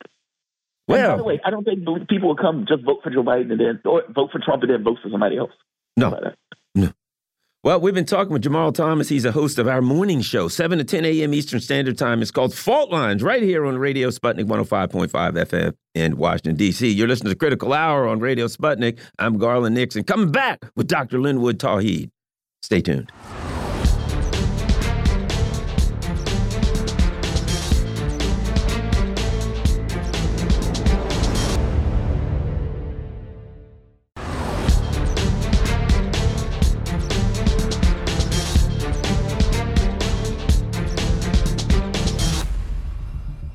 We are back, and you're listening to the Critical Hour on Radio Sputnik. I'm your host, Garland Nixon. Just how dangerous is the $34 trillion massive debt that the United States is sporting these days? Also, Donald Trump has a plan for a 60% tariff on Chinese goods. And what would be the economic cost of a war with Iran? Joining us to discuss this and more, we have Dr. Linwood Tauheed. He is the Associate Professor of Economics at the University of Missouri in Kansas City. Dr. Tauheed, welcome back to the Critical Hour. Thank you, sir. All right, let's let's run them right down. Jamie Dimon says that the snowballing U.S. debt burden um, needs to be addressed before it turns into a crisis. You know, there's the issue of debt. There's the issue of the Fed printing money and inflation. There's all of these things. We have people talking about, you know, debt doesn't matter. I remember uh, I believe it was uh, Dick Cheney who said deficits don't matter. Your thoughts on the debt? Is it is there a potential for it to uh, tear our economic system to pieces, or is everything fine? Uh, Dr. Ta well, well, everything isn't fine, but it isn't because of the level of federal debt. It is a matter of how that federal debt is created. That is what what what the money is spent on. Uh, let, let's say this up front the focus from someone like Jamie Dimon and Republicans in general, and this article quotes um, um, uh, Paul Ryan, former Speaker Paul Ryan, the focus on national debt is a stalking horse for Social Security and Medicare cuts, and eventually for Social Security and Medicare privatization, which uh, financial uh, leaders of financial organizations like Jamie Dimon would benefit from because if uh, if if Social Security and Medicare is privatized, it's going to be managed by by financial firms. And so Jamie Dimon has a has a, a horse in the race, if you will, by uh, by uh, saying that uh, debt is going to uh, overwhelm us, uh, and that may lead people. well, what what the Republicans intend is to use that to to um, privatize or cancel Social Security and Medicare. So, but it's but it's not it's not it's not federal debt, which is at about uh, about 120 percent of GDP. It's not the federal debt that's important. It is the private debt that's important, and credit card debt. And we have an increase in credit card debt that is amounting to about the same amount as it was right before the 2008 financial crisis, and even if you think about that as just a housing crisis, housing is personal debt. So there was a collapse in, in, in the economy because uh, financial institutions ran up the, the personal debt of, of, of, uh, of homeowners and other credit card uh, holders. So um, I have a question. You know, lately I've been noticing um, layoffs in the tech sector. I'm starting to see that trickle of layoffs. Are we on the edge of something bad, or is this just okay? There's layoffs out there and those things happen, or does it appear that there's something starting to go on? As I said, the thing I remember about 2008 was I started seeing layoffs, layoffs, layoffs, and before you know it, it was like 800,000 layoffs a month, and things were really going south. What's happening right now? Is there an ominous sign in the in the in the uh, economic future, Dr. Tauheed? Well, well, layoffs can be a result of a downturn in the economy, but they can also be a cause of the downturn in the economy. When you lay folks off, particularly um, tech workers who are who are highly paid, uh, they have no income.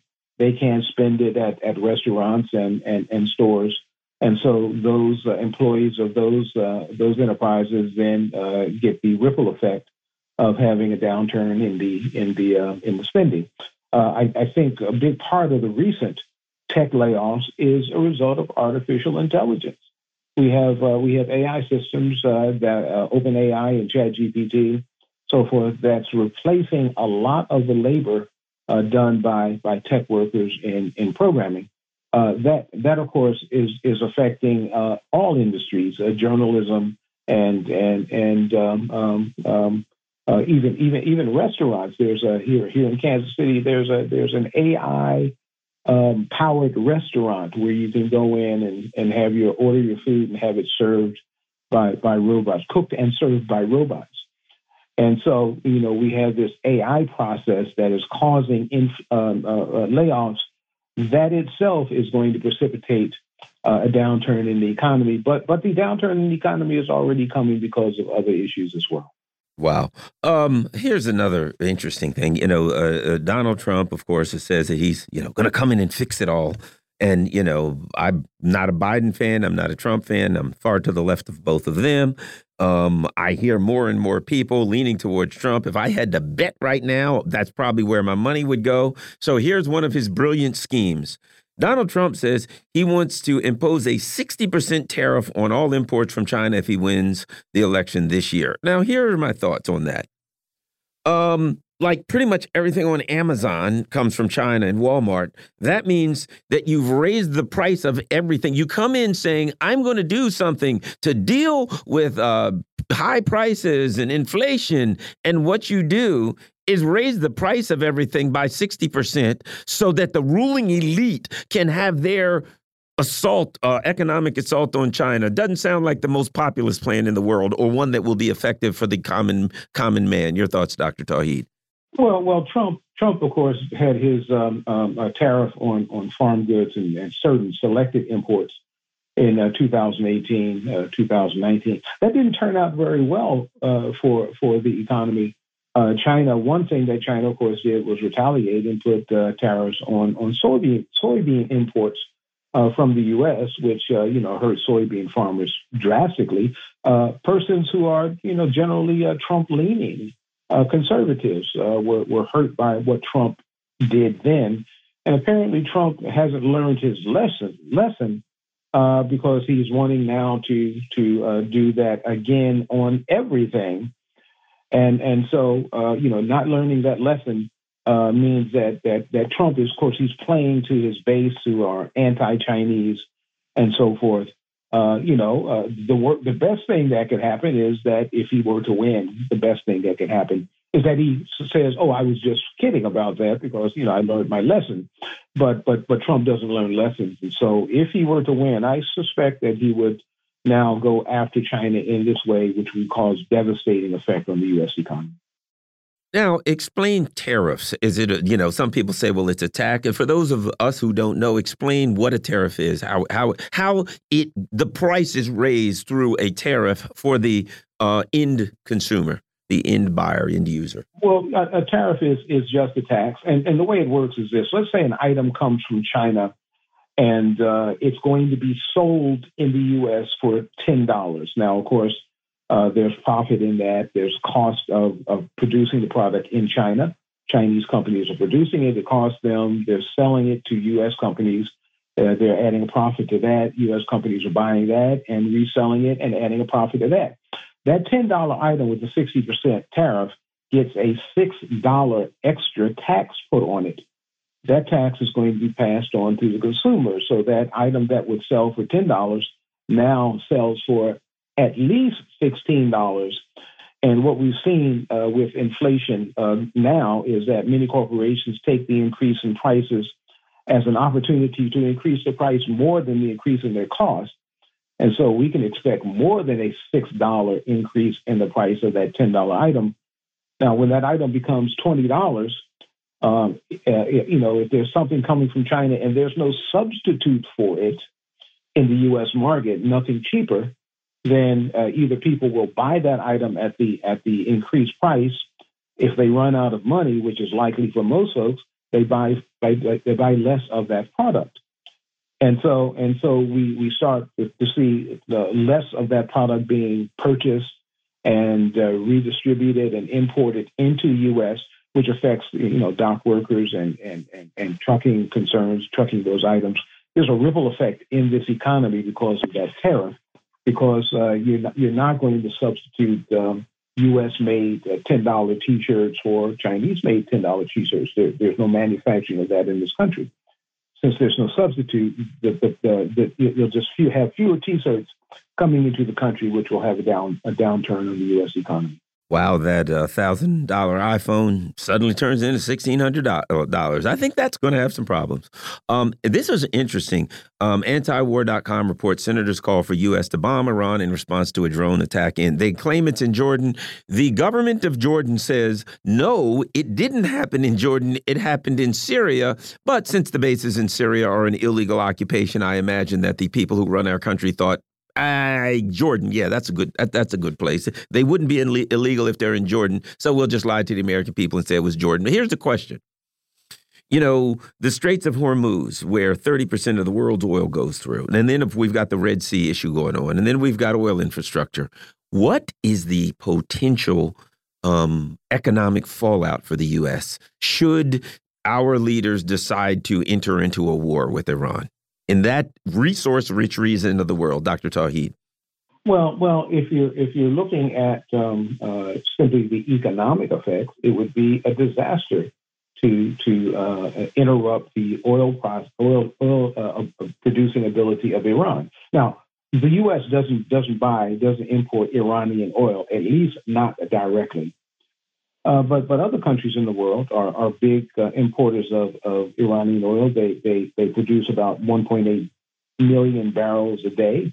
About uh, I guess uh, 280 million uh, thousand barrels of that goes to China. If if the, that oil supply is cut off, then the Chinese will have to uh, bid for oil in other markets. certainly, Russian oil will will either increase in production or or increase in price. Both uh, in both of those uh, scenarios will increase revenue for Russia, but it'll also decrease the supply of oil um, in in in the world available for other countries. That the U.S. is fairly self sufficient in oil, but but when when the price of oil from other countries uh, goes up, that that does affect uh, the U.S. in terms of oil that it imports. There's some oil like oil from Iran or, or from Libya, those places that has a certain quality that that U.S. Uh, needs needs to purchase that.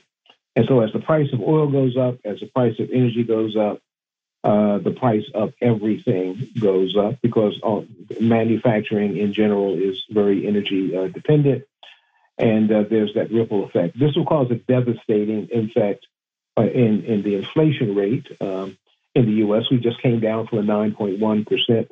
Will probably go up uh, to to that 9.1 percent again. And since that will happen, if if if Biden chooses to do that now, since that will happen pretty quickly before the election, I don't think Biden is going to do that uh, because it would have uh, you know devastating effects on on his political chances. Uh, and, and, and, you know, it, it already already slim uh, because of his uh, unpopularity and because of the, the, the Trump surge. And uh, and and I was talking with my last guest about the numbers. Twenty percent of black voters in Georgia said they're going to they, they, they'll they'll consider voting for Trump. Twenty percent numbers that are unheard of, and I have related anecdotes. People that I never thought would say that are like, "I'm voting for Trump," and I'd be like, "Well, why is that?" I'm not voting for Biden. Of course, I'm a lefty. I'll probably write in the ghost of Hugo Chavez. But my point being, they're saying things like. Well, things are weren't as high when it was under Trump. They're just disgusted. People are getting to a point. Black folks are voting for Trump. Dr. Tauheed, one minute, one minute. What do we have to make of that? Well, uh, uh, you know, if if it's about the economy, then uh, there are many indications that uh, the eco economic uh, um, um, uh, the economy was was doing better under Trump than it is now doing under Biden. Even though the Biden administration is trying to convince folks that everything is okay, people people who are underemployed, unemployment rate may be low, but people are underemployed working working uh, part-time jobs when they want full-time jobs and working at low-wage jobs. Uh, they're looking at the uh, increased uh, of housing costs and increased food prices. Things are not doing well. It was not that bad uh, during Trump, even through the crisis, even through the pandemic, because the Trump administration spent lots of money. Uh, it's a it's a it's it's it's not a good good good feeling to know that the Democrats are doing so badly with the economy and that Trump did better when he was in, uh, in, in office. And, you know, as a political analyst, I would put it this way if we lose the names, when the economy is doing bad, the incumbent party loses and the opposition party wins. So it's not about Trump or Biden. I think it's about the incumbent party versus the opposition party. And when people think, well, things were better under the opposition party, uh, they're just going to jump ship. Dr. Linwood Tauheed is an associate professor of economics at the University of Missouri in Kansas City. You're listening to the Critical Hour on Radio Sputnik. I'm uh, Garland Nixon coming up next with Misty Winston.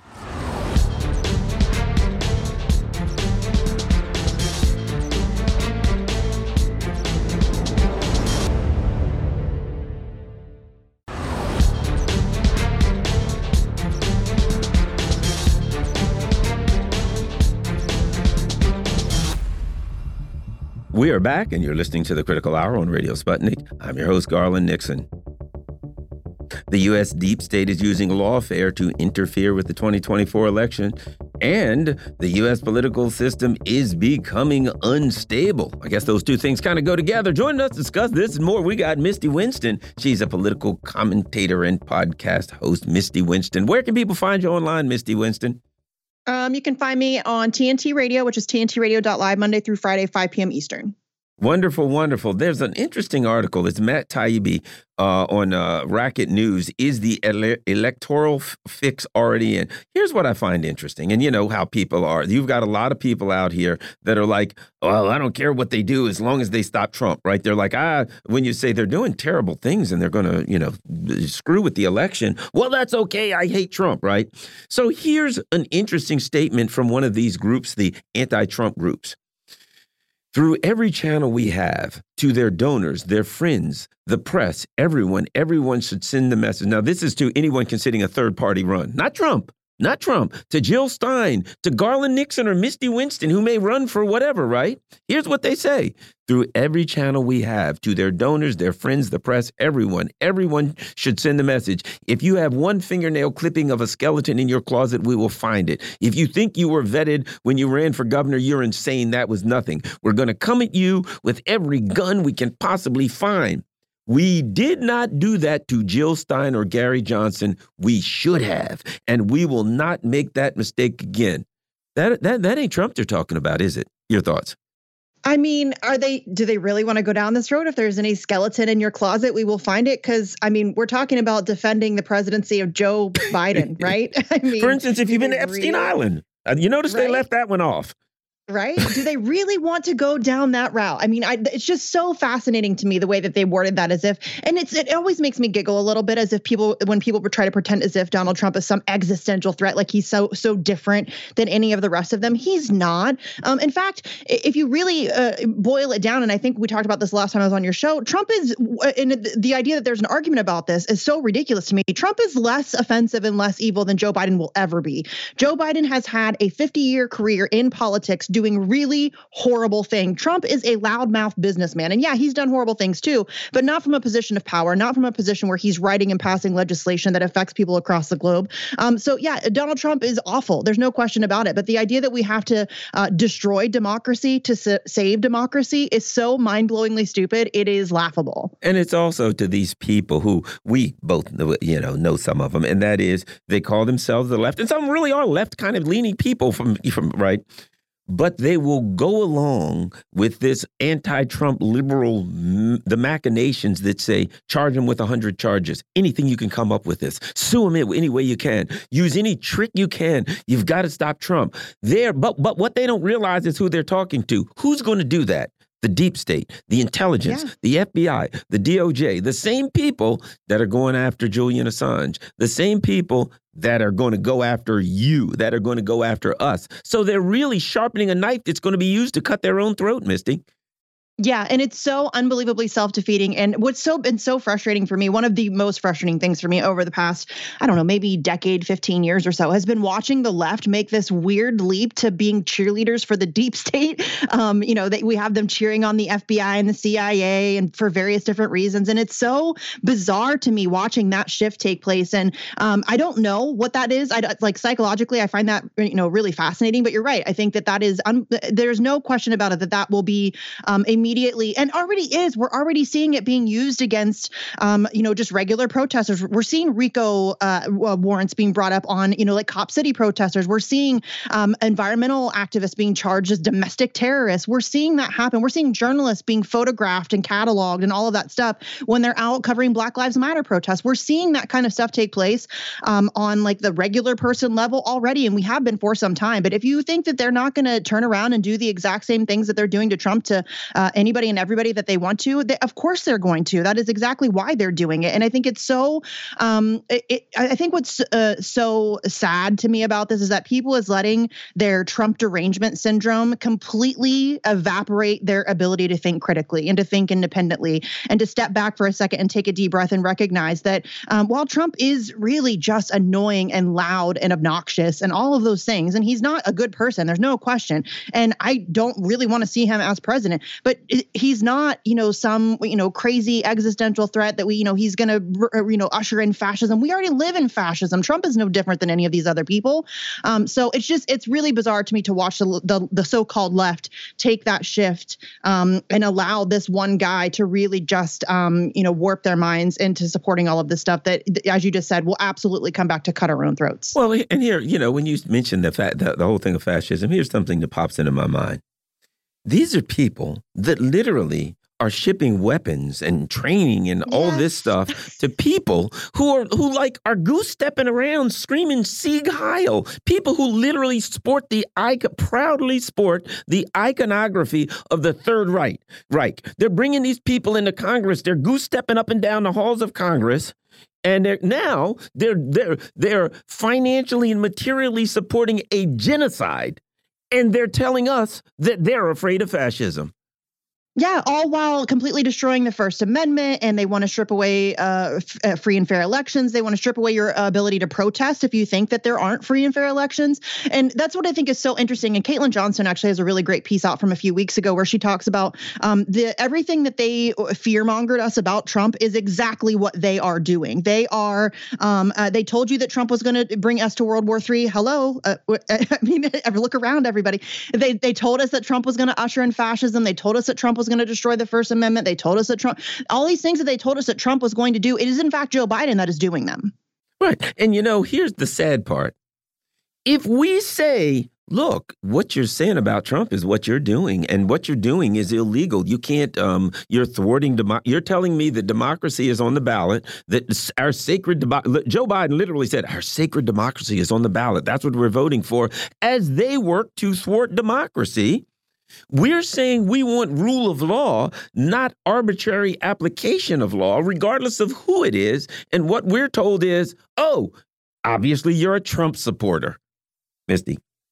Yeah, hundred percent, and that's they they do that, and it's it's maddening. It is maddening to me that when you call them out for the things that they are doing, they just resort to calling you a Trump supporter or you know, oh, you're just MAGA. No, I've never been a Trump supporter. I just have eyeballs and an objective reasoning where I can look at the things that you're doing and recognize the danger that it poses. And it's really not that complicated, y'all. It's really not that complicated. It is apparent what they are trying to do, and frankly, I think that that is a little bit of the the role that Trump plays is that they. Uh, they needed a, a, a, um, a, kind of a villain in order to scare people to do the things that they're doing. They needed a way to crack down on the surveillance state, to crack down on protests, to crack down on all of these things. They wanted a way to strip, the, you know, the little bit of democracy, which frankly we haven't had democracy in this country, and I don't, maybe never, I don't know. Um, uh, so they, but they needed somebody in order to um, uh, make people okay with, to make it more palatable. These rights being stripped away from us. So I think that that's really the function that he's played here. Um, but it's it's just it is fascinating to me to watch regular everyday people follow along with that and cheer for it and not even recognize the game that's being played and how it is absolutely going to come back to bite you in the butt. Well, let's get back to somebody who's sane and making sense for a change. Former House Speaker Nancy Pelosi is facing criticism after suggesting some pro-Palestinian uh, uh, uh, protesters are connected to Russia. We have to think about what we're doing, and what we have to do is try to stop the suffering in Gaza. But for them to call for a ceasefire is Mr. Putin's message. And that would make Putin a bad guy because he doesn't like genocide, I guess. Apparently, right? at any rate, how dare people stand up for Putin and start to try to stop a genocide? This is a uh, a terrible thing that must not be allowed to stand. Clearly, Misty. Right? I mean, he, what a madman this guy. He's against genocide. Oh my gosh, this guy's a threat to humanity. We need to do something about this. This woman has lost her entire mind. And Gar- what I think is so funny, Garland, is that today um, she there were protesters who, by the way, are code pink protesters who have been protesting out her house outside of her house for like 17 years. The same people have been protesting outside her house for like 17 years. And she came outside and said that they're from China. She said, "Go back to China where your headquarters is." What? First they're Russian and now they're Chinese. Like what? And, and it's just so it's it, the idea that um, you know, she prounces around saying things like that. And as you just said, as if it's supposed to be like some um, insult to Putin that he doesn't support a genocide, that just makes him look cooler. I mean, what are you trying to do? And it's just so endlessly frustrating to me that we have these politicians in positions of power who are openly supporting a genocide. And then when you call them out on it, they want to call you a Putin puppet or a Chinese stooge or whatever. And it's just so patently absurd. And I think that it's starting to lose its um, effectiveness. I think, obviously, I mean, listen, my Twitter handle was Comrade Misty is Putin's buddy for a reason. I have been called a Russian more times than I have, and I'm, I can't even count.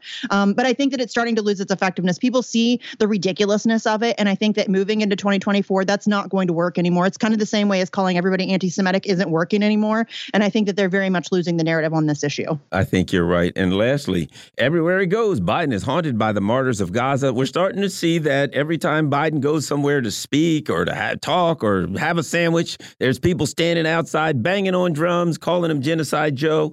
Uh, things are looking kind of bleak for old uh, Joe Biden these days. Your thoughts, Misty? Yes, love to see it. I love to see this, and I hope it happens everywhere, not just to Joe Biden, to literally every politician who supports this or who was silent about it or who was wishy washy on it. I'm including Bernie Sanders in that. He's now come out, you know, giving some very passive statements about how we need to we need to tell Israel to knock it off. Okay, that's not good enough, my guy, especially given the fact that it took you thousands of deaths to even say anything. So I want all of these politicians to have to face uh, protesters everywhere they go. And I'm not talking about uh, violence or anything like that. You don't need to be violently confrontational, but they need to be called out. Every they shouldn't be able to step outside without being heckled, without being called genocide Joe. Like that should be a regular thing, a regular occurrence until this thing stops. That that kind of pressure needs to be put on them every single day, all day long, because uh, you know we're we're now seeing. I think we're up to like 13,000 dead kids uh, in Palestine, and it is just unbelievably reprehensible that it has been allowed to continue this long. And so the least we can do is call them out when we see them in public. I think you're right. Well, Joe is following in uh, Hillary Clinton's footsteps. Remember when she said she went up to Wall Street and told them to knock it off? Yeah. Apparently didn't work.